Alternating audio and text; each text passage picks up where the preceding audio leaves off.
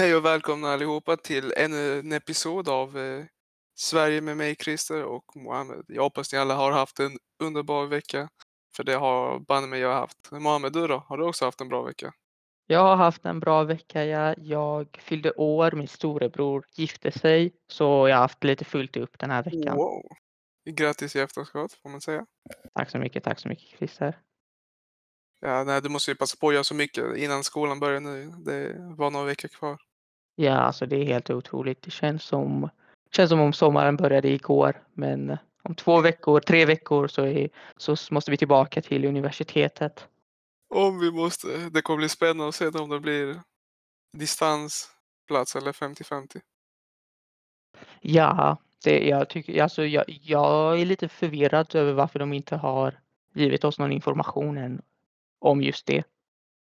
Samma, undrar hur de kommer göra i USA dock. För de har ju haft det i distans ett tag, visst? Ja, de har, de har till och med haft idrott på distans, vilket är ganska otroligt. Sån video alla bara Now everybody do jumping jacks, okej! ja, ja. Det, men alltså, det, det är så. De, de, eleverna måste gå och säga typ ah, jag gjorde 15 armhävningar. Men de behöver ju såklart inte göra någonting för ingen kan typ se. Så de måste, det är bara typ en tillitsgrej. Ja, okej, okej, jag förstår. Det är ganska intressant att se. Ja, också att det kan gå tillbaka till det vanliga i alla fall. ja, exakt. Och apropå USA. Har du hört Christer? USA ska ut ur Afghanistan. Det har jag faktiskt inte hört. Hur länge har de varit där nu? De har varit där sedan, eh, sedan jag föddes. De gick in år 2001.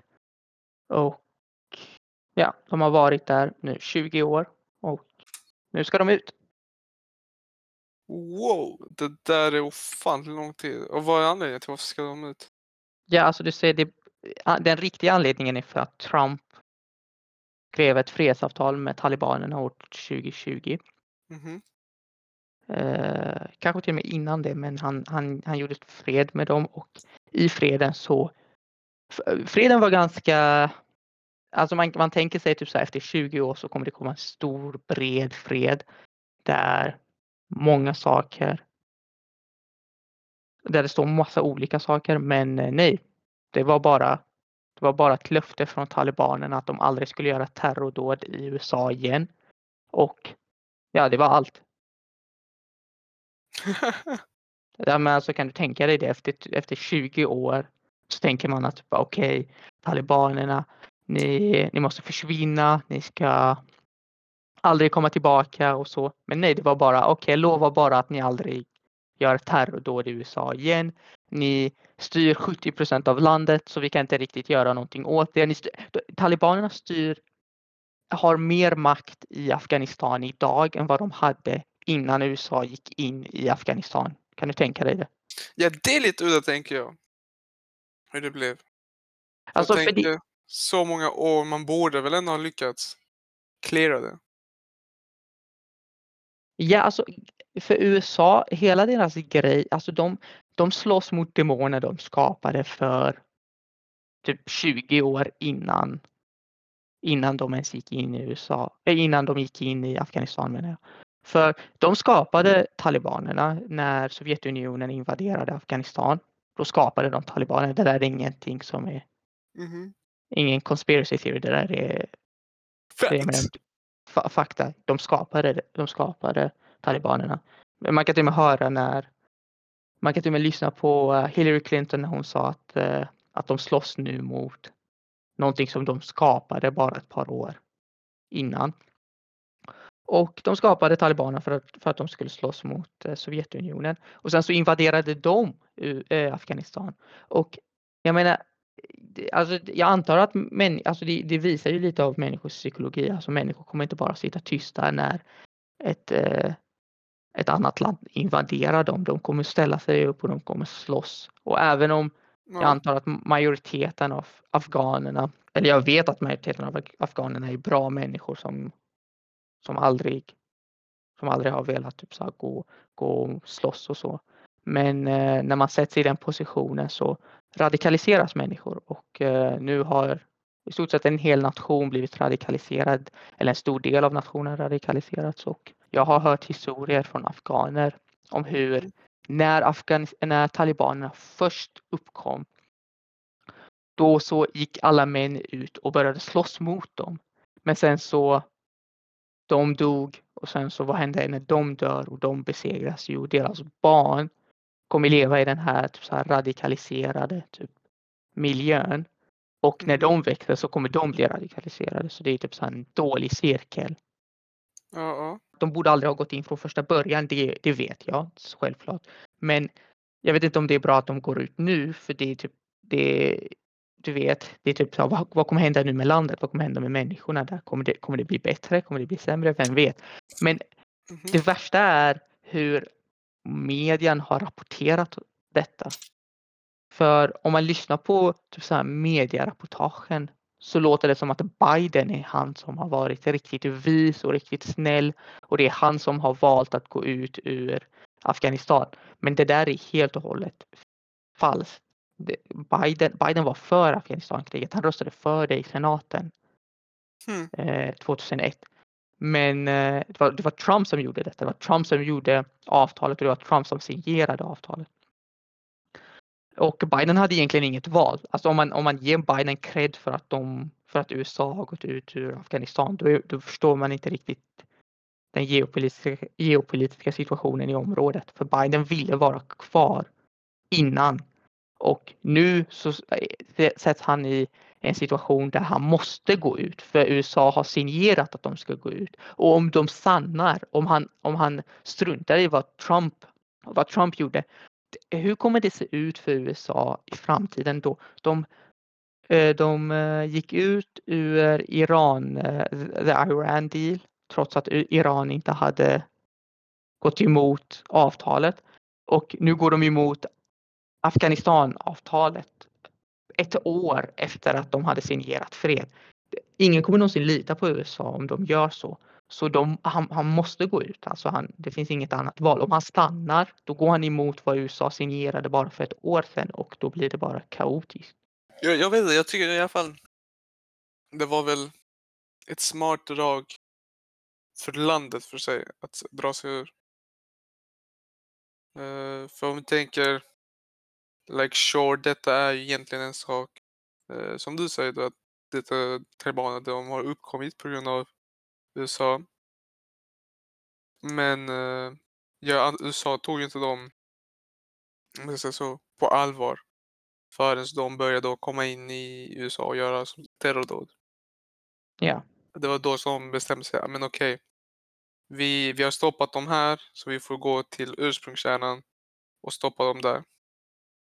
Så lite, jag tycker det är lite konstigt att ha- det har tagit dem så länge, det är 20 år, att eh, fixa fredsavtalet.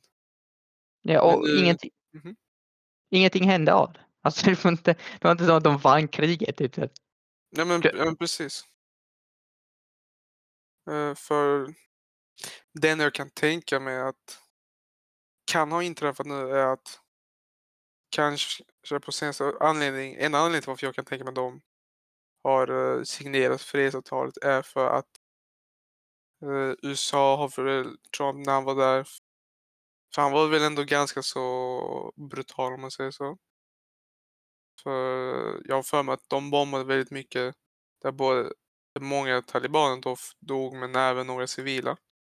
ja, Men eh, i det stora hela så var det talibaner som fick den största förlusten och därmed Eh, så la han så visade han lite ungefär det threat som USA kan vara och därmed så insåg talibanerna okej om vi vill ta över det här helt och hållet så kan vi inte fortsätta att USA är här.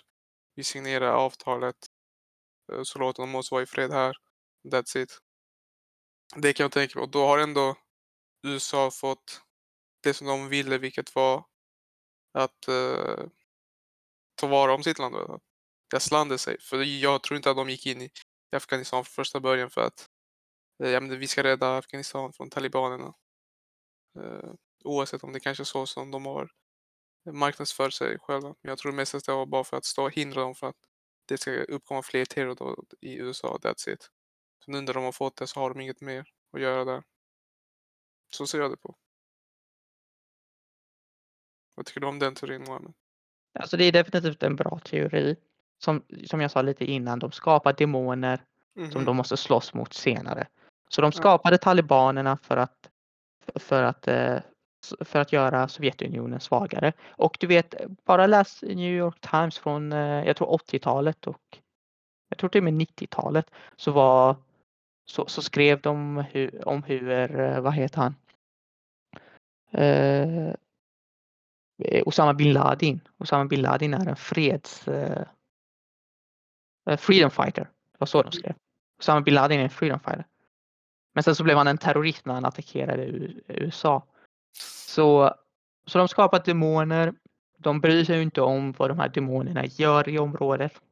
Och sen när demonerna börjar röra dem, då blir det så här helt plötsligt, okej nu måste vi reagera. Och eh, lyssna, krig är riktigt bra om du vill, eh, om du vill bli omvald. Alltså om du, om du vill bli omvald, då är krig det bästa du kan, du kan göra, speciellt om någon annan började. Så när 9-11 skedde, då skapades en väldigt stor nat- eh, nationalistisk känsla i USA. Eh, amerikanerna blev mer och mer patriotiska. Och, Mhm. och sen så startade eh, George W. Bush krig mot, alltså sonen då, inte pappan. Ja. Eh, han startade krig mot Afghanistan och när han startade kriget då var 90% av amerikanerna för kriget. Så i, i omvalet 2004 då vann han väldigt enkelt för att folk ville att han skulle, han, de ville ha någon slags stark reaktion eh, efter 9-11. Och sen så startade han också Irakkriget. Men man ser typ hela tiden hur USA startar demoner som de måste slåss mot senare. Så till och med, till och med typ så här Irakkriget. Men det är Irakkrig-. Mhm. Irakkriget var egentligen inte ett krig mot Irak, det var mer ett krig mot Saddam Hussein. Men Saddam Hussein jobbade med the CIA på 70-talet. Han var också, han var också basically skapad av USA. Så det är typ så här, de skapar demoner som de sen måste slåss mot. Men när du nämner så, så är det ändå rätt så smart om du tänker.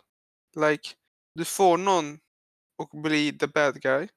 Så Ja. att du sen kan föreställa som the hero. Ja, ja. Det, och det, att krigen, du vet. För jag tror egentligen att många förre presidenterna, de kunde ha avslutat det, du vet, ganska tidigt. Mhm. kriget. Men de vill fortfarande ha den här bara, nej vi fights fortfarande här, du vet. Bör, ni behöver mig, det är jag som kommer leda er till victory, du. Vote for me, etc. Och Ja. sen är också det att Afghanistan har ju väldigt mycket naturgas och olja som Ja. resurser. De har. Och om du tänker om du har ett krig där så är det också en rätt så... Detta kan, är det ju då en teori, det undrar. Men du har, i och med att du skickar in så mycket och du skickar tillbaka väldigt mycket om tänker på soldater etc. andra grejer. Så Ja, har du väldigt stor kop- alltså transportmöjligheter. För även om du tar över ett ställe du vet, så har du möjlighet till att få dessa eh, resurser. Ju. Vilket är... Nej, jag, vet inte, jag tycker det är ganska intressant till varför det, detta kriget har varit så länge, mycket längre än vad det egentligen borde ha gjort. Ja. Eh, Och vad eh, de förra presidenten har egentligen haft för sig och gjort där. Så därför tycker jag det är skönt nu. Nu lämnar de det. Och det är även bra för landet tänker jag, för nu kan inte direkt andra peka men titta USA gör detta och detta här och bla bla bla, du vet. Det är som att dra sig ur ett problem. ja. Man, man får alla naturresurser och sen så får man kontroll över landet. Så om man ser typ så här talibanerna. Talibanerna var en aktör i ett väldigt, väldigt strategiskt område. Mhm. För att Afghanistan ligger på ett väldigt strategiskt område. De är mellan, mellan Kina och Iran, så det är ett väldigt viktigt område i området. Och sen så säger du nu att de har olja, vilket jag hade ingen aning om. Jag visste att de hade många naturresurser, men jag visste inte att de hade olja. Så man försöker typ så här slå, man, man slå, försöker slå olika, en massa fåglar med en sten. Så du startar ett Exakt. krig mot dem. Du, eh, du, du vinner folket i ditt egna land, för det skapas en, skapas en väldigt patriotisk känsla i ditt egna land. Du eh, slår ut en aktör som är emot USA, som är då talibanerna eller, eller Saddam Hussein i Irak. Mhm. Eh, och du vinner massa naturresurser också. Så det är typ så här, om man ser det, om man ser det ur den länsen så kanske det ser ut som att det är väldigt, väldigt effektivt. Men sen så när man ser verkligheten, jag menar i, i Afghanistan så har det varit en helt och hållet kollaps. De har Ja. inte vunnit någonting egentligen. De spenderar mer pengar än vad de vinner. Vet du hur mycket de spenderar varenda dag? Eh, På, USA då? ja, Ja, på, jag har för mig att USA är det land som spenderar mest på militären. I Ja, men- men ba, bara i Afghanistan per dag. Hur, hur mycket kan du tänka dig att de spenderar? Alltså jag tänker, en militärstubbe för sig kostar ju 200. Deras equipment för en stubbe kostar 200 000 ungefär. Så spik några miljoner. Skulle jag säga. 160 miljoner dollar per dag. Sheesh. Ja. Så jag menar, vad, vad är det för slags av vinst? Jag menar, du spenderar mer på, på krig än du skapar än vad du... Men hur mycket olja behöver du för att typ så här rädda dig själv ur den här gropen? Ja. Jag menar, Men sagt, alltså jag tror inte många... Oavsett om det låter lite grovt, men alltså... Jag tror väldigt många ledare faktiskt inte är, blir ledare endast för landets skull. Utan, utan också för egen vinning. ja, ja, 100 procent. Eh, Speciellt i USA. Ja, I Sydamerika är det ju en väldigt klassisk sak. Många Mm. går in där, lovar att göra detta. De går in där, blir president. Så bara under den tiden så fixar de och fyller bara på deras fickor så mycket som möjligt, sen sticker de. Ja. Det, är- det är ganska sorgligt att se. Eh, Många som man har trott att Åh, vi kan lita på den här sen. Första året, underbart. Andra året, ha, vad händer? Tredje, fjärde året, okej, vi blev scammade. ja, Eh, Så det, klassiskt. mm, visst. Mm. Så den är, den är synd. Ja, jag känner igen den andan från Irak. Varenda gång en ny president kommer så är det typ så hela tiden. Ja, ah, den här personen, han kan vi lita på. Han, han verkar bra. Och sen så är han värre än den som var innan honom. Ja men visst, precis. Ja, Och det är därför jag också ogillar du vet, när staten har alldeles för mycket makt för då kan ju sådana saker uppkomma. ja, ja 100 procent. Det Om, blir... om, Mhm, om staten var mindre så hade vi inte typ så haft de här problemen. Exakt. Amen to that. Om du tänker så här, like, egentligen du vet, alla skattepengar och sånt du betalar, det är till staten. Ja. Eh, Och det är staten som kan du vet, fördela de resurserna, använda dem lite hur de vill etc. Eh, Men om de inte har så mycket resurser vet, att jobba med, då finns det inte mycket heller de kan göra. Det finns inte heller jättemycket vinning att få därifrån. Men, men. Och sen Ja. många, det jobbiga är ju att många brukar alltid ta in, säga det som folket vill höra då för att bli vald. Det, det är en fin lögn. Vi har det här, eh, minns du från eh, 2013 exempelvis? Vi hade löftet från Stefan Löfven att eh, Sverige skulle ha lägst arbetslöshet i EU efter sex år.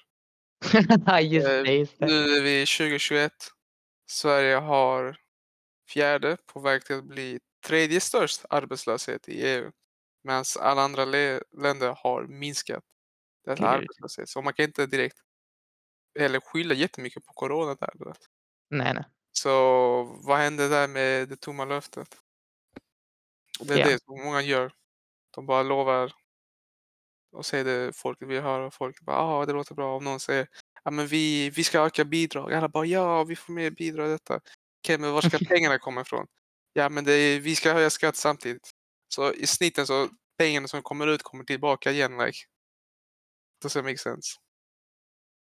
Tycker jag. Jag, äl- jag älskar den här idén som många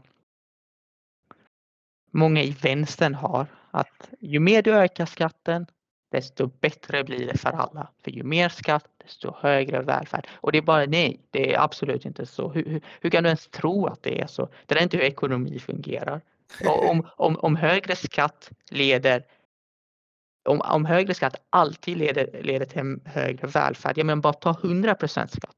Ta allting och sen så skapa den här ultimata välfärden. Men du kan inte göra det, för det är inte så det fungerar. Ju högre skatt du tar, desto mindre jobbar människor.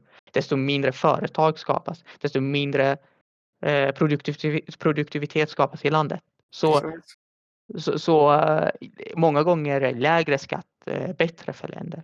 Kolla på Luxemburg. Luxemburg har en så låg skatt. Väldigt låg. Och Mhm.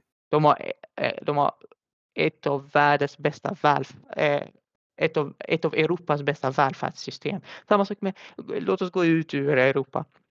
Kolla på eh, Förenta Araberna. Okej, nu, nu kanske många kommer tänka, men de har olja. Nej, nej, nej, nej, nej. Mhm. Förenta Araberna har knappt någon och de har, jag tror inte ens de har olja. Jag tror de har lite gas, men deras gas är en procent av deras eh, budget. Det är ingenting. 99 procent av, eh, av deras eh, av deras inkomster kommer från, från företag. De har jätte, jätte, jättelåg eh, företagsskatt. Så alla företag i världen går dit, skapar sina, skapar sina företag där och de får pengar av det. Är alltså lo- så hög skatt leder inte alltid till bättre välfärd. Ibland gör det det. Självklart, det finns många samhällen där det har fungerat, men det är inte. Det går inte hand i hand alltid. Det är inte. Ja, vi, Det efter, det- vi Det pluggat låter bra. Mhm. Förlåt, vad sa du Christer? Jag tänker, vi har, efter vi pluggade i mikroekonomi och där, så vet Ja. vi att det är ju bättre om den personen har möjlighet vet, att behålla så mycket. För det är den personen som vet egentligen vad den prioriterar, vad den vill göra med sina pengar. Mm, ja. Eh, och därav så kommer personen ha bättre av. Och Ja. Om den får då full kontroll över allting. Istället för att någon annan tar, men jag tar dina pengar men du ska spendera dina pengar på detta och detta. Vet, like. Nej, eh, I don't like that. Jag inte som en rätt lösning. Eh. Men det är en fin tanke. Det är en fin tanke. Det är en sån sak som låter väldigt logisk. Självklart om du tar höga skatter då kommer det bli bättre för alla för du kommer sen kunna använda skatterna och högre skatter leder till mer pengar. Men nej, det är inte så det fungerar. Kolla på vad Socialdemokraterna gjorde 2015. De började höja företagsskatten jättemycket 2014, 15, 16 och 17. Och det är hela deras eh, styre egentligen. Eh, det var inte förrän typ så här det, den här eh, januariavtalet då Mhm, eller det det var inte förrän 2018 Exakt. Då det ble- blev väldigt underligt för då började de sänka vissa av deras skatter men de gick på val på att de skulle höja skatten men de började sänka skatten för de ville, ha, de ville att Centerpartiet skulle vara med dem. Men i alla fall, sätt det åt sidan. Social, eh, Socialdemokraterna har lovat väldigt mycket och de har inte, Inte de har inte backat upp det. Nej. Det är lite intressant också. Deras väljsiffror går upp och ner, alltså väldigt ostabilt. Ja, ja, Och sen, det var väldigt intressant. Eh, så du vet, ofta så brukar man göra sån eh, eh, undersökning. Jag tror det var TV4. Vad heter han stubben som alltid brukar snacka politik i TV4? Ma- Marcus Oskarsson. Så det blev en väldigt intressant sak. Så när han la upp, du vet, men, att man fick möjlighet att välja, du vet. Ja, men, hur tycker du angående det här partiet? Detta, och det? Så här, bra, jättedåligt, bla, bla. Och eh, en stor majoritet var ju emot och du vet, visade missnöjdhet. Och eh, då, det han gjorde var att han tog bort optionet, du vet. Stor missnöjdhet. Innan han skulle presentera ja, men vad resultatet blev. För det näst största var ju att, att människor var nöjda. Eh, och då fick det framstås det som att ja, men folket är, nöjda, du vet. Eh, med regeringen och detta.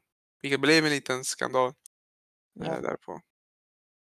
Och det är också lite synd, vet, att ibland lite sån här manipulation utifrån vad folket tycker. För det påverkar ju andra människor. Om vi säger att det är jättemånga som tycker på ett, ett speciellt sätt. Om vi säger att det finns många höger, okej. Okay. Man får det att se ut som att det är höger överallt, att alla är höger. Då så, om man är själv vänster och om man är inte jättebra att stå emot grupptryck och så vidare så kommer det ju leda till att man byter kanske opinion eh, och även eh, politiska tankar. Så att sådana saker inträffar också är lite sorgligt tycker jag. Eller Vad säger du Malin? Ja, alltså lyssna. Socialdemokraterna, de går upp och ner i opinion hela tiden. Alltså en dag är de typ så här jättepopulära och alla älskar dem. Eller jag tror inte någon älskar dem, men jag tror de alla, alla är typ så här. Ja, vi är för dem. Vi är okej okay med Socialdemokraterna. Och sen en, nästa dag, då är, kommer det typ så någon stor skandal och de avsätts. Så det är typ så här, det går upp och ner för dem hela tiden. Det, det, det, det är så man vet att det, det är ett väldigt, det, det är väldigt instabilt. Alltså det, Ja. ingen vet egentligen vad, som, vad man får när man, när man, eh, när man röstar på Socialdemokraterna. Nej, För du får, det enda du vet att du får är ett parti som har styrt väldigt länge. Okej, du vet det. Så de, det och, och det betyder, och det är inte, det, det, det betyder ändå ganska mycket. Typ så här, du har ett parti som har styrt innan som i tanke borde åtminstone veta Mm. vad de gör. Okej, så det, det vet du. Men sen så de går på val på att de ska sänka, på att de ska höja skatterna och sen så sänker de skatterna. Så det är typ, du, du vet inte riktigt vad du får egentligen. De kompromissar väldigt mycket. Det är det enda partiet i Sverige som kan genuint kompromissa bort sina värderingar. Och jag tror inte ens jag kränker Socialdemokraterna när jag säger detta, för jag tror de flesta Socialdemokraterna håller med om detta. Att, att Socialdemokraterna idag är inte Socialdemokraterna för fem år, de är inte Socialdemokraterna för tio år och de är definitivt inte Socialdemokraterna, Socialdemokraterna som fanns för 40 år. Mm. Så de är helt och hållet överallt. Dock, det jag har lagt märke till dem är att det är inte så att de inte har möjlighet att uppfylla det de säger. Utan det är mer att de känner inget ett behov. Men utan varje gång som du vet, Socialdemokraterna sätts på du vet, så här, den heta stolen. Okej, nu måste du göra detta annars blir det stora konsekvenser för partiet framöver och så vidare. Då, då börjar de agera utifrån det de lovat. Men om de inte sätts i den här heta stolen så agerar de inte. Vilket jag tycker är lite synd för du vet, inom den svenska kulturen så är det inte jättevanligt vet, att man går straight up och, och klagar till någon vet, om man inte får Ja. det man lovar. Man är ofta lite, så här, lite mer eh, håller, håller, inne, sig- håller inne det du vet, tills man är själv och sen tar man ut det. Du vet. Och det är lite det som också inträffar nu antar jag i samhället. Du vet. Ja, men partiet, regeringen gör någonting fel och folket är inte vana du vet, att stå upp och verkligen du vet, protestera grovt emot. Utan de bara accepterar mer och hoppas på eh, bättre framöver. Ja, Socialdemokraterna är, är, de, är typ så här kungar av att säga det folk vill höra men eh, sen i slutändan gör de motsatsen. Mm. Men det är också Det- jag tycker är ganska intressant. Detta med att du vet, många som är förskadade. I Sverige, jag vet att du, du har väl också kanske lagt märke till att många du vet, när de är sambo eller gifta. Ja. De oftast har sitt egna enskilda bankkonto, visst? Ja, ja. Och det är för att de inte litar, de inte ha ett gemensamt, för de litar inte du vet, jättemycket på den andra på att hur pengarna kommer användas och så vidare. Ja, och bara så här, man vill ha sin självständighet. Ja men precis. Och då, hur tänker man när, du när hela befolkningen ska lita på ett, ett par snubbar, du vet, regeringen med alla pengar? Like, om du inte ens kan lita på din egen partner, du vet, med, sån, med en sån sak, hur kan du då lita på en random snubbe? make ja. sense. Det är 100 procent, men det, det, det, det man, man lär sig aldrig detta i skolan att staten är bara människor. Alltså det är bara människor. Det är inte någon, det är någon, det är inte någon extremmaskin, det är inte någon som vet mycket mer än du. Det, det, staten är genuint bara ett par personer som är väldigt, eh, som, som är väldigt bra på att, på att Voilà. låtsas att de vet mycket mer än alla andra. Men de är inte, det är inte typ någon supermaskin.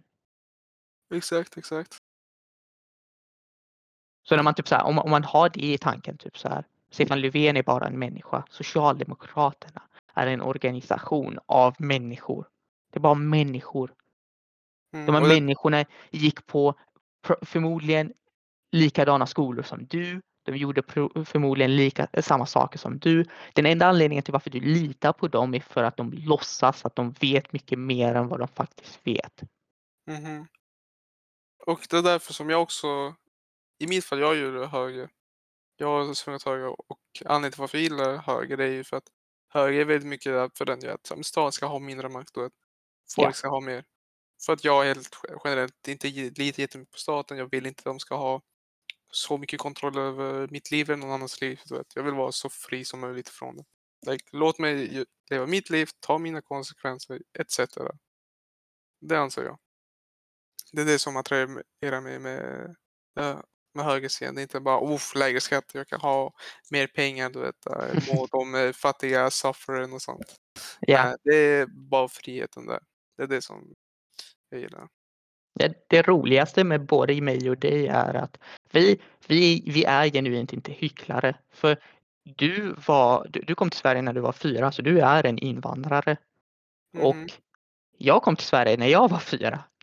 Men du kom till Sverige ett år innan mig, för du är ett år äldre än mig. Ja, Men det, det är ju den här grejen att jag och du kom till Sverige basically med ingenting. Vi byggde upp vår, våra familjer, våra föräldrar och vi byggde upp oss själva. Vi började studera, mina föräldrar började från noll. Du vet, typ så här, jag, tänker, jag tänker ibland på detta. Alltså min pappa, min pappa hade så hög status i mitt hemland i Irak. Han, han jobbade med elektricitet och han var ledaren för många olika saker. Och han hade en väldigt hög status, väldigt mycket prestige. Och han var tvungen att lämna allt detta för att komma till Sverige och börja, bör, börja med, från noll, med ingenting. Alltså börja som typ så här, okej nu måste vi typ så här, typ så här göra allting som jag gjorde för 30 år sedan Mhm. eh, må, måste jag göra nu igen. Okej? Som typ så här. Och han var 55 år gammal när min pappa kom till Sverige. Så nu måste han typ så här, okej, så jag måste genuint typ så här, allting som jag hade, mina hus, mina allting, allting är nu borta. Var tvungen att ge bort allting bara för att komma hit. För hur bra eller hur mycket, hur hög prestige jag än hade, hur mycket, hur mycket stolthet jag än hade innan. Ingenting är bättre än frihet. Ingenting är bättre än att kunna typ så här veta att nästa dag kommer du inte bli mördad bara för att Saddam Hussein hatar shia-muslimer eller sunni-muslimer eller vad han nu hatar. Så han valde att komma hit. Han valde att ta hit, eh, hämta sin familj med sig eh, och börja från noll. Och typ så här klassiskt för någon från högern. Oftast folk från högern är typ så här folk som ändå kommer från eh, övre medelklass eller bara ren överklass, folk som är väldigt rika. Men det är inte vi. Jag och du är inte rika. Vi, vi, inte, vi kommer inte från typ så stenrika familjer. Vi kommer inte ens från rika familjer. Vi kommer från vanliga familjer eh, som var tvungna att bygga upp sig själva och komma in i medelklassen. Så om vi vore hycklare så hade vi varit så hade vi varit sossar eller vänsterpartister för det hade gynnat oss mycket, mycket mer. Exakt. Generellt har de talat till människor som är som oss, som, hade, som inte har så mycket, de, som eh, började från noll. Men eh, vi, jag och du har varit sådana människor som är typ så här, vi bygger upp oss själva. Jag behöver inte ha staten. Jag kan, jag kan gå till skolan. Jag kan, eh, jag kan Alltså, börja man- jobba. Vi har ju fan många fler möjligheter här än vad vi hade i våra hemländer. Ja, exakt. Och det där, på grund av att vi kan se den skillnaden så tar vi mer vara på det. Ja. Alltså, helt rätt där. I, i, i de flesta kanske tänker typ så här, ah, men du, du kommer från ingenting, du, eh, du eh, basically började från noll. Du vet, jag, jag kommer fortfarande ihåg detta. Just nu så är min familj medelklass. Eh, Men mm, bara för ett par år sedan så levde vi där studenter levde. Du vet så här studentboenden.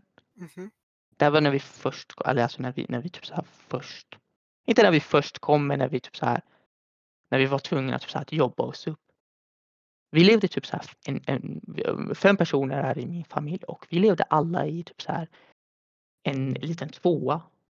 Mm. Okej? Det var Mhm. förfärligt. Men vi byggde oss upp och då var jag höger och nu är jag höger. Alltså nu är jag fortfarande lika liberal idag som jag var då. Det, det, du, du vet, man tänker sig typ så här att man har, om man har den bakgrunden så skulle man vara väldigt mycket åt vänster. Men nej, vi är inte hycklare. Vi vet att vi vet för det första vad som är bäst för människor generellt. Även om det kanske inte är mest gynnsamt för, för mig specifikt så är det definitivt bäst för samhället. Det är bäst för mig i slutändan. Det är bäst för alla. Exakt. Nej, men jag håller helt med. Men eh, på tal om detta med politiska tankar och eh, åsikter. Vad anser du om eh, legalisering av eh, droger? Vad är dina tankar kring det? Jag, jag är definitivt för, jag är för, definitivt för att läkare ska kunna ska kunna så här, skriva till det att typ så här, ge dig ett recept på det. Eh, för att folk med Parkinson disease och jag är säker på för, eh, människor med andra sjukdomar också, men jag, jag vet att folk med Parkinson de eh, gynnas jättemycket av cannabis. Mhm. Eh, när det gäller legalisering, alltså lyssna, jag, om, om vi levde i en perfekt värld, Mhm. då hade alkohol inte funnits, då hade cigaretter inte funnits, men nu gör vi inte det. Och cigaretter är definitivt värre än cannabis. Så jag ser inte Ja. riktigt någon moralisk anledning till att förbjuda det. Men jag vet att du har en helt annan åsikt. Ja, för jag, jag har ju blandade åsikter om det. För exempel du nämnde det om att du vet, men det är väldigt bra för Parkinson exempelvis. Eh, Men sen så finns också, det finns ju den här teknologin eh, där du kan plantera in i ditt huvud eh, en liten apparat som kontrollerar och reglerar dina impulser en gång så du har full kontroll över din kropp. Eh, Som innan. Och Jaha. så- Varför används inte detta? Det vet jag icke faktiskt. Eh, Det kan vara på grund av att det är ganska nytt och det håller på att spridas. Ja. Men eh, och sen generellt anledningen är att jag, tycker jätte, inte jättemycket om droger för i all form så är det förstörande. Även många säger att gräs, det är icke skadligt. Eh, Det är icke beroendeframkallande etc. Men det är faktiskt beroendeframkallande. Det är inte på, inte på det viset som du vet, om du tar kanske större, starkare, att din kropp ändras och så vidare. Utan det är Ja. mer en mentalt beroende, att du behöver det för att du ska vara glad etc. Eh, Ha dina vanliga vanor och vilja. Eh, För jag har ju en klasskamrat som har lite svårt med detta och kämpar, han kör på med det. Men eh, det är fortfarande svårt. Han Var kunde det- lämna. Mhm. Var det bara cannabis? Ja. Mm. Han kunde ju lämna cigarett eh, bakom sig men eh, han kämpar fortfarande med cannabis. Mhm. Eh, Och, många, och det är visat att ungefär 30 till 40 procent får den här, blir addikta till cannabis. Vilket är ändå ganska stor siffra om du tänker på det. Ja. Och ju mer du använder så mer du... Och det är därför jag ogillar. För jag vill ju, det är ju något skadligt. Eh, Så i den mån av att eh, försvara någon, vet, dens välmående och att den ska ha det bra. Genom att om du gör det olagligt, då är ju väldigt många risker. Först så är det han som säljer till dig som måste som tar massor med risker av att vilja jobba med detta, eh, sälja, du vet, finna någon och sälja etc. Sen även är det du som tar risker av att du konsumerar och köper det. Men om du legaliserar det, då försvinner hela den här risken. Då blir det mycket enklare och då blir det mycket mer, ja men okej, men då tar vi det. Det är precis.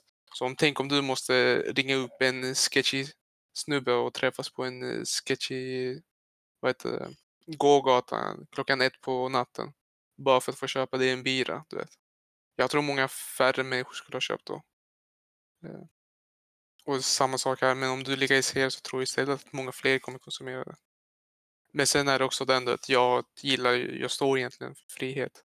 Ja, det var det jag tänkte fråga. Att, eh, precis. Så jag vill ju att människor ska kunna ändå göra det de vill. Så i mitt sätt så anser jag, för tillfället så anser jag väl att göra det olagligt är det bästa bara på grund av att om du legaliserar det så kan människor som du vet är villiga hålla på med, inte vila på, du vet, kan ändå få grupptryck och så vidare och tvingas att ha den här vägen. Eh, så i, men i det bästa scenariot som jag skulle se är att man kanske har en del av landet, du vet. Ja, men den här delen är detta lagligt. Eh, så vill man konsumera det som sagt så får man ju bosätta sig där. För då har du ändå kontroll av var dessa substanser går ut och inte. För jag tänker, Exempelvis om du inte vill att det ska vara, du ska behöva gå och finna en langare, göra någon sketch så ska du flytta, ska du flytta till, vi säger en stadsdel. Då kommer ju många av de som vill, verkligen vill konsumera detta, kommer ju flytta dit, vara där och då har du ändå kontrollerat så att de som vill göra det har ett ställe de kan vara. De som inte vill behöver inte involveras i det. Vad tänker du angående det? Alltså, jag, jag tänker, jag menar, det, jag tror de flesta som vill röka kommer förmodligen röka. Mhm. Så jag menar, jag tänker att om man, om man hade gjort det som man, som man gör med alkohol där man säljer det genom typ Systembolaget, alltså någonting, antingen någonting liknande eller bara Systembolaget då. Mhm. Och jag vet inte, jag tror det hade gynnat människor för om, om du vill röka det så kommer du röka det i vilket fall. Jag tänker Eh, mer på den här cost-benefit-saken. Ja. För om det är olagligt så, då är ju kostnaden för att du ska konsumera den här mycket högre. Ja. Och, då, och det är därför som jag tänker. eh, Och det är det som tar mig till olagligt. Men eh, kör på, fortsätt. Fast om man gör det genom staten som man, som man gör med alkohol då. Ja. Då, då, kommer, och då kommer alla köpa det genom, via staten, eller hur? Ingen kommer gå till en någon sketchig person om du kan köpa det lagligt Ja, på Ja. Systembolaget. Såklart. Men då, då kan du ju sätta dina egna priser. Då kan du sätta likadana priser som eh, Men det är den också.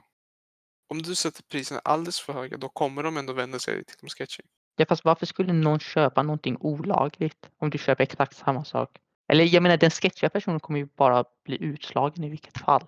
Han kommer ju aldrig kunna konkurrera med staten. Men sen så också den här sketchiga personen, han gör förmodligen andra saker som är väldigt dåliga och ja. han, han, han säljer säkert andra saker. Han säljer säkert kokain, Jo. han säljer säkert vapen och Såklart. sånt där. Men han finansierar det säkert väldigt mycket med hjälp av cannabis. Mm. Så mm, jag tror faktiskt att du kan gynna, du kan faktiskt gynnas ganska mycket för du kanske slår ut många, sto, stor del av gängkriminalitet eh, finansieras genom För jag tänker, mer, cannabisförsäljning. jag tänker mer på, vad heter det, jag tänker inte jättemycket på försäljarna, jag tänker mer på konsumenternas eh, hälsa. Och det är därför jag sa ju det att man kanske kan legalisera drogerna i en specifik del av landet. Så, för då har du ändå det instängt där. Vadå, typ så i Skåne men inte i Halland? Eller hur Ja menar men, du ja men precis. Och som du vet, långsamt kan bli en transitioning till det så. Det tänkte jag. jag, jag tänker mig typ så här, typ så här alla potheads går till en del av landet. Ja men om du tänker på det, för det, är, det blir ju mycket bättre då har alla människor like man på sätt. För vet- jag menar typ, hur nice skulle du tycka om du går runt på stan så ser du några, några snubbar där som håller på och shottar heroin. Like, hur, hur kul skulle du tycka det där var? Förfärligt. Men det är heroin och jag tror inte så många är för att legalisera heroin. Ja, men det har ju börjat lite i USA och det kommer spridas. I Nederländerna där har de också börjat legalisera lite heavy med droger. Och det blir den. Legaliserar du en sak så blir jag, men varför inte detta också? Och sen, ja men du legaliserar detta och detta, varför kör du inte det? Det blir typ inget stopp till det. Man bara En får... slippery slope. Mm, precis, du Ja. ger dem handen, de tar hela armen. Ja, och jag, jag förstår det. Jag, jag kan se det.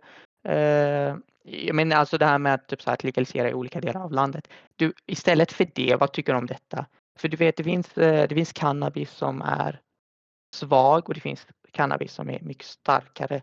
Istället för att legalisera det i olika delar av landet så kanske det är bäst att typ så här, ha det jättesvagt från första början. Det är som, det är som alkohol. Som är typ så här, det, finns, det finns alkohol som har eh, så här, tequila som har viss procent alkohol och sen så finns det Ja. Vodka som har förmodligen mer. Ja. Så du gör samma sak med cannabis, att du legaliserar fast väldigt, väldigt låg. Basically väldigt dålig cannabis. Mhm, mhm. Och, och sen så typ så här, om man hamnar i det problemet med så här slippery slope, okej men vad tar det slut? Men jag menar, vi har, vi har haft cigaretter och, och vad heter det, alkohol i, ja, i århundraden nu, flera hundratals år. Ja. Och aldrig, aldrig någon gång har någon ens typ så öppnat upp debatten om att legalisera någonting annat förutom under de senaste kanske så här 20 åren där cannabis har öppnats upp väldigt mycket. Men sen så kanske man kan kolla på på eh, vad Nederländerna där de legaliserade cannabis och sen så började de legalisera massa annat väldigt snabbt efteråt. Men också den exempelvis här i Sverige, like, cannabis och sådana grejer, det är ändå fortfarande ganska nya grejer. Det, de, fanns, inte- de har inte funnits här i hundra år. Den typen och starkare droger. Ja. Så det kan ju också vara den anledningen. Fast alltså, men är du, def, är, är, du, är du också emot att, typ så att läkare ska kunna typ så här ge dig recept? Eh, om det finns bättre options så anser jag du vet, att man inte med. Jag skulle väl bara anse att man har den möjligheten som en last, absolut last option i så fall. Eh, men det är därför som jag vill ju att om du har legaliserat det, du har, kan kontrollera, då kan ju läkarna även ge ut det. Eh. För annars om du bara legaliserar till läkare så blir det, men varför får de legaliseras? Varför kan inte vanligt människor, människor också att konsumera? Det är lite mer den grejen jag tänker på. Ja, alltså jag menar jag tänker, lyssna, jag, jag hade inte rökt cannabis om det vore lagligt. Jag hade inte rökt om det är olagligt. Det spelar ingen roll för mig. Jag, Mhm. jag dricker inte ens alkohol eller röker. Så. Så du, du, dricker du inte? Nej, Men du är kristen. Brukar man inte dricka i kyrkan? nej, Gör man inte? inte där, inte i min. Är, är det inte, jaha, så mormoner Jag dricker har- inte ens vin? Nope. Jag har inte eh, vin. Ah, okej. Vi kör med vatten istället. Men eh, har ni, har ni gjort det olagligt? Eller är det, är det, är det, får man dricka i Det, det, mormonkyrkan? det är en rekommendation om man säger så. Ja, det är inte en rekommendation. Så man rekommenderas att inte göra det, men det är inte hela världen om du gör det. Ja, okej. Men Jag eh, personligen så anser jag, jag har ingen nytta av det, så varför ska jag göra det? Men du vet, om, det, det, är en sån, det är ett sånt problem för, lyssna. Det borde, det borde kanske inte legaliseras. Jag, kan, jag bryr mig inte så himla mycket, det är det som är problemet. Alltså jag bryr mig inte om det vore lagligt eller olagligt, för det kommer inte påverka mig. Men det är någonting som jag skulle kunna tänka mig är, bara för att det är lagligt i i Nederländerna eller USA så betyder, eller bara för att man vill att det ska legaliseras i Nederländerna eller USA så betyder inte det nödvändigtvis att det bör legaliseras i Sverige också. För det är Mm. olika samhällen. Okej, Så jag är okej med att alkohol är lagligt i Sverige men jag skulle aldrig vara för det att, för, för att det ska legaliseras i Irak. Förstår du? Mhm. Irak är ett helt annat samhälle. De har helt andra värderingar. Eh, och det är ett muslimskt land. Så där ska kanske mer muslimska värderingar tillämpas. Så i islam Mm. är, är alkohol förbjudet och då så ska det förbjudas i landet också. Men jag är okej med att det är lagligt i Sverige. För i Sverige är det vanligt och det är en del av kulturen. Alltså jag, för här, det går inte att stoppa här. Så om man vill att, att det ska legaliseras. Om, om- om, man har byggt argumenten för att låta det legaliseras. Bara för att man ser hur, det- hur det är i, i kanske USA. Så kanske inte man borde tillämpa samma tankegång i Sverige. Om det legaliseras så bör man åtminstone börja med att legalisera det genom läkare. Ja. man börjar där. Men sen så, jag, jag är också rädd för det. Jag är också rädd för att det blir en slippery slope. Och jag skulle inte vilja att heroin ska legaliseras. Det, det känns dåligt. För jag tänker att, för jag tänker att ja, men man gör det det, lagligt, men det är många uppoffringar du måste göra för att få konsumera det. Och därmed så blir den här cost benefit igen, än en gång, du vet. Du höjer eh, det kost för att få den här benefiten ofantligt mycket. Då, där, då kan du få det. Exempelvis om du ska köpa eh, en ny, vi säger ny dator, right? Om det kostar 2000, like, du kommer inte tänka jättemycket, men är det värt eller inte? Och som ifall du skulle köpt en annan dator för 50 000, visst? Ja. Så ju högre något kostnad kostar att få tag på, så mer tänker man. Och då menar jag inte bara i form av pengar, exempelvis att du kanske måste flytta till något ställe etc. Och det kommer ju leda till att många människor då kan tänka än en gång, vill jag verkligen göra detta eller inte? Och där kan det redan minska. Och de som vill verkligen kommer ju ändå få möjlighet att göra det. För det är det jag vill också. Att friheten, du ska ha möjligheten. Eh. Så ja, men vi får se hur det går. Eh. För generellt så tycker jag inte om droger. Det är ju bevisat att av de som blir beroende så blir endast 5 eh, fria från beroendet. Vilket är ofantligt liten siffra. Eh, Man kan lika gärna säga vet, att de som är addicted kommer vara addicts för resten av livet. Vänta, 5 procent? 5 Vänta, av alla som går i rehab. Jaha, som går i rehab. Ja, jag, jag har hört att rehab är ganska dåligt. Eh, eller alltså överlag. Vänta, är det överlag? eh, du- Jag, kan, 5% av vad- alla addicts. Inte, så, inte människor som har tagit det som är beroende. 5% av alla som är beroende. Eh, det är många som du vet, ja, men, slutar, är clean, kanske två år, tre år och sen relapsar igen. Förstår du? Ah, jaha. Eh, så, och då du kan ju inte säga, om du verkligen är fri från något, då kommer du inte eh, relapsa. Visst? Ja. Alltså, du vet det problemet här är typ om, om det är olagligt, kommer man då indirekt också ha skapat ett, ett system där gäng, gäng kan finansiera annan eh, kriminell verksamhet och om det är så så kanske man borde legalisera väldigt svag cannabis och, låt, och så, så tar man en del av deras ekonomi ifrån dem och då kanske man försvagar deras ekonomi. Ja, men, Men- de kommer finna alltid en lösning. Så du, du menar då att om man gör cannabis lagligt då kommer de bara röra sig till nästa sak, kokain. Exakt. Och om man legaliserar det så rör de sig bara till Exempelvis nästa. kolla på London där och de på säljer just nu hundar. Ja. Så Varför gör de det? för att det, de säljer det för ett billigare pris än vad det är. Hundar? Ja, så de sn- snor eller importerar hundar från andra ställen och säljer det. Fast det finns ingenting dåligt med det. Alltså, vadå, vad är det negativa med det? Hundar är fina ju. Jo, men jag menar, de fin- eh, kriminella gäng finansieras på det. Jaha. ja, fast alltså, ja. Men alltså är det inte bättre, alltså, är det inte bättre att krimina, kriminella gäng finansierar sin verksamhet genom hundförsäljning än drogförsäljning? Ja, alltså jag tänker båda två är ju negativa. Eh, Den ena kanske är mer negativa åt konsumenten. Men om du legaliserar så kommer konsumenten att få ta i sig så det blir ju samma sak. Ja. För legaliseraren, du tog upp det för att ta bort det finansiella från det kriminella men då hittar de ju bara ett annat sätt att finansiera sig själva.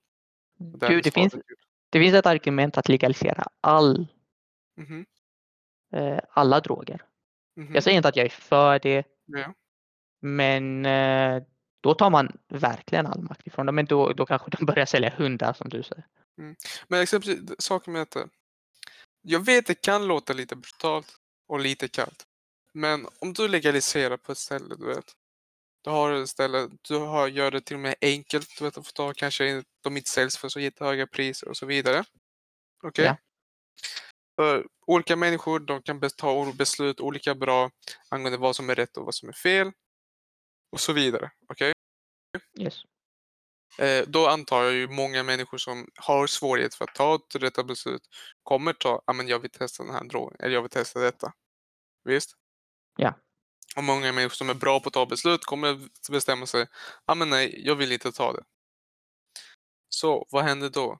De tar det, de blir catched i det. Alright?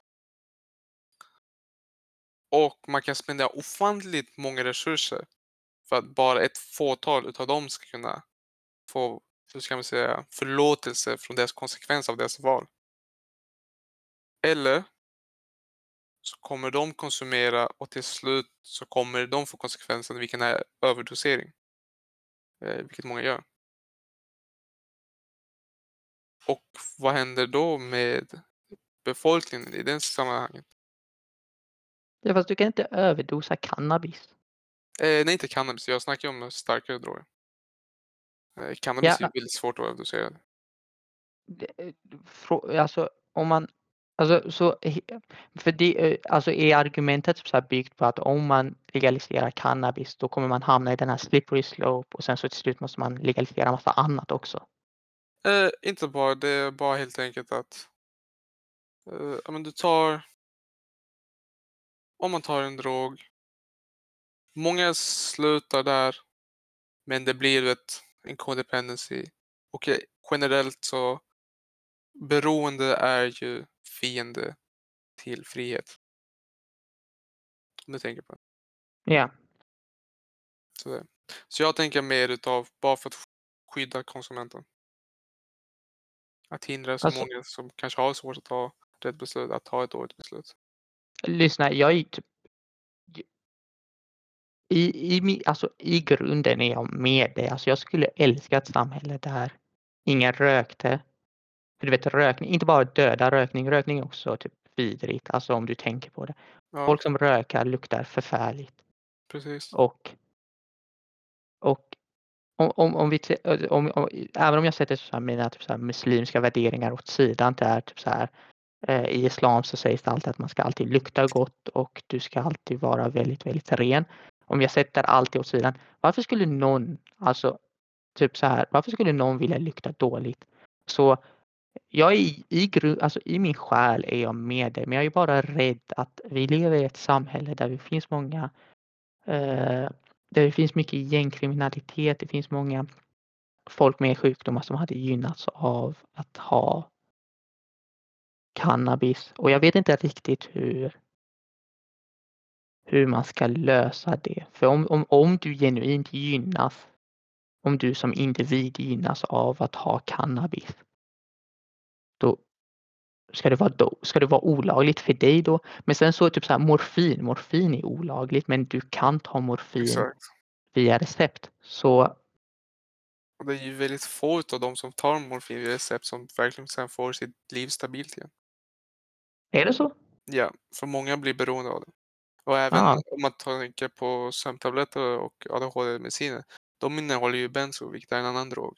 De blir också beroende av det framöver. Ja, okej, okej. Ja, för det, det enda, den enda jag vet av just det är min, min mamma hade eh, min mamma hade cancer innan Mhm. och hon, eh, hon blev bra. Sen, Jaha. eh, tack gode gud blev hon bra och allting blev bra sen. Men sen så, eh, vad heter det? Eh, med cancern så kom massa smärtor. Så i en viss period så fick hon recept av morfin men hon blev aldrig beroende eller så. Hon tog det typ en, en gång tror jag hon tog det. Och så fort hon tog det så var hon bara wow, det här är riktigt starkt. Det här är mycket, mycket starkt. Så hon bara tog det aldrig igen. Ja, men Eh. Men om man blir beroende av det så. Men det, det är därför det är så bra i Sverige att i Sverige så är det väldigt svårt för läkare att skriva recept på sånt, Mm. sånt, så här, sånt som är väldigt starkt. Och det är samma sak exempelvis med weed. Som sagt, du kan ju bli beroende av det. Även om du gör det av uh, läkarskäl. Det är lite Eh. synd ändå. Du, vet. Ja, du måste tänka men jag måste få min medicin. Jag måste ha detta nu för, för att kunna leva. Ja. Jag vet inte. Alltså, eh, det, det, det, det är det här som är problemet. Med, specifikt om, när jag talar om detta så är det typ så här. Om du legaliserar det så kommer det inte påverka specifikt mig eller egentligen någon jag känner. Eller alltså kanske några av mina, jag kan, jag kanske, nå- någon av mina vänner kanske börjar röka eller börjar kanske ta någonting dåligt. Det kanske är väldigt förfärligt. Så det kanske jag, jag kanske Mm. blir påverkad sådär. Men jag vet att jag kommer aldrig göra det. Så det är typ så här. Hur, du vet. Ja, men sen så kanske någon blir väldigt påverkad av det om dina föräldrar börjar. Jag vet Mhm. inte. I don't know man. I don't... Vare sig du legaliserar det eller inte. I don't know. Det kanske Nej. är bra, det kanske är dåligt. ja. Synd att man inte kan ha, dra en simulation av ett samhälle. Ja. Eller Men men det- du kan ju kolla på andra samhällen. Men problemet är att alla samhällen som har legaliserat Ja, det är ganska dåliga. Det är typ så här USA. Du kan inte riktigt jämföra Sverige med USA. Det är helt Mhm. annorlunda. Till, till och med med ren geografi. Alltså, eh, eh, mycket, många droger kommer från Sydamerika in i, in i USA. Men s- droger kommer inte från, från Sydamerika in i Sverige. Så vi kan inte riktigt jämföra det. Men vi kanske kan kolla på Nederländerna. Men sen så Nederländerna hade ett mycket större problem innan de legaliserade. Ett mycket större problem än Sverige. Så kan man verkligen se det som ett exempel? Eller Portugal. Portugal tror jag, eh, vet jag, eh, har legaliserat det. Men eh, och hur har det gått för Portugal? Jag har hört att många av de som har överdosat har fakt- överdosningar av många droger minskade när de legaliserade många droger. Mhm. För när det blev statligt så kunde staten typ så kontrollera typ så hur mycket du får ta och så. Så det blev typ så bättre för dem. Så. Men sen så är det typ så här den här moraliska frågan. Ska man verkligen tillåta saker som är dåliga för människor? Cirkulera. Ska cirkulera precis. Men då är kanske ett svar som jag kan tänka mig då är det liberala svaret är ja för för frihet. Exakt. Så Nej, men, ens- det, det är svårt för mm, det, olika delar av min hjärna är både för och emot det.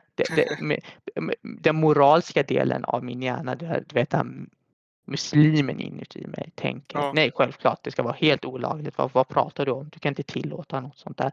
Men sen så den liberala delen av mig säger ja fast alltså är det inte också typ så frihet till människor att göra lite vad de vill? ja, precis. Reaper kan dra en eh, Och, Ja, bara Sverige och se hur, sen ser man alla resultat. Ja. Exakt. Ja, det är alltid, det är alltid kul när man typ så kritiserar beslut som är, som är väldigt typ så här underliga nu men sen i framtiden så är man bara så börjar man typ så kritisera någonting som var som man absolut inte visste konsekvenserna av. Så det är typ så här så typ så här man bara, ja men hur kunde du inte veta detta? Det här var jättetydligt men sen så är det bara under tiden var det inte tydligt. Hur hade jag vetat att det här skulle ha hänt? Exakt, exakt. Men, men. Ja, det ser ut som vi börjar närma oss ett avslut i alla fall med tidsmässigt. Ja. Tiden har flugit iväg. Men Ja, jag hoppas att alla ni som har lyssnat har haft en underbar dag och att ni har uppskattat episoden. ja. Så vi hörs ett roligt episod. Yes, vi hörs nästa gång. Så får ni alla Hej ha det bra. Hej då!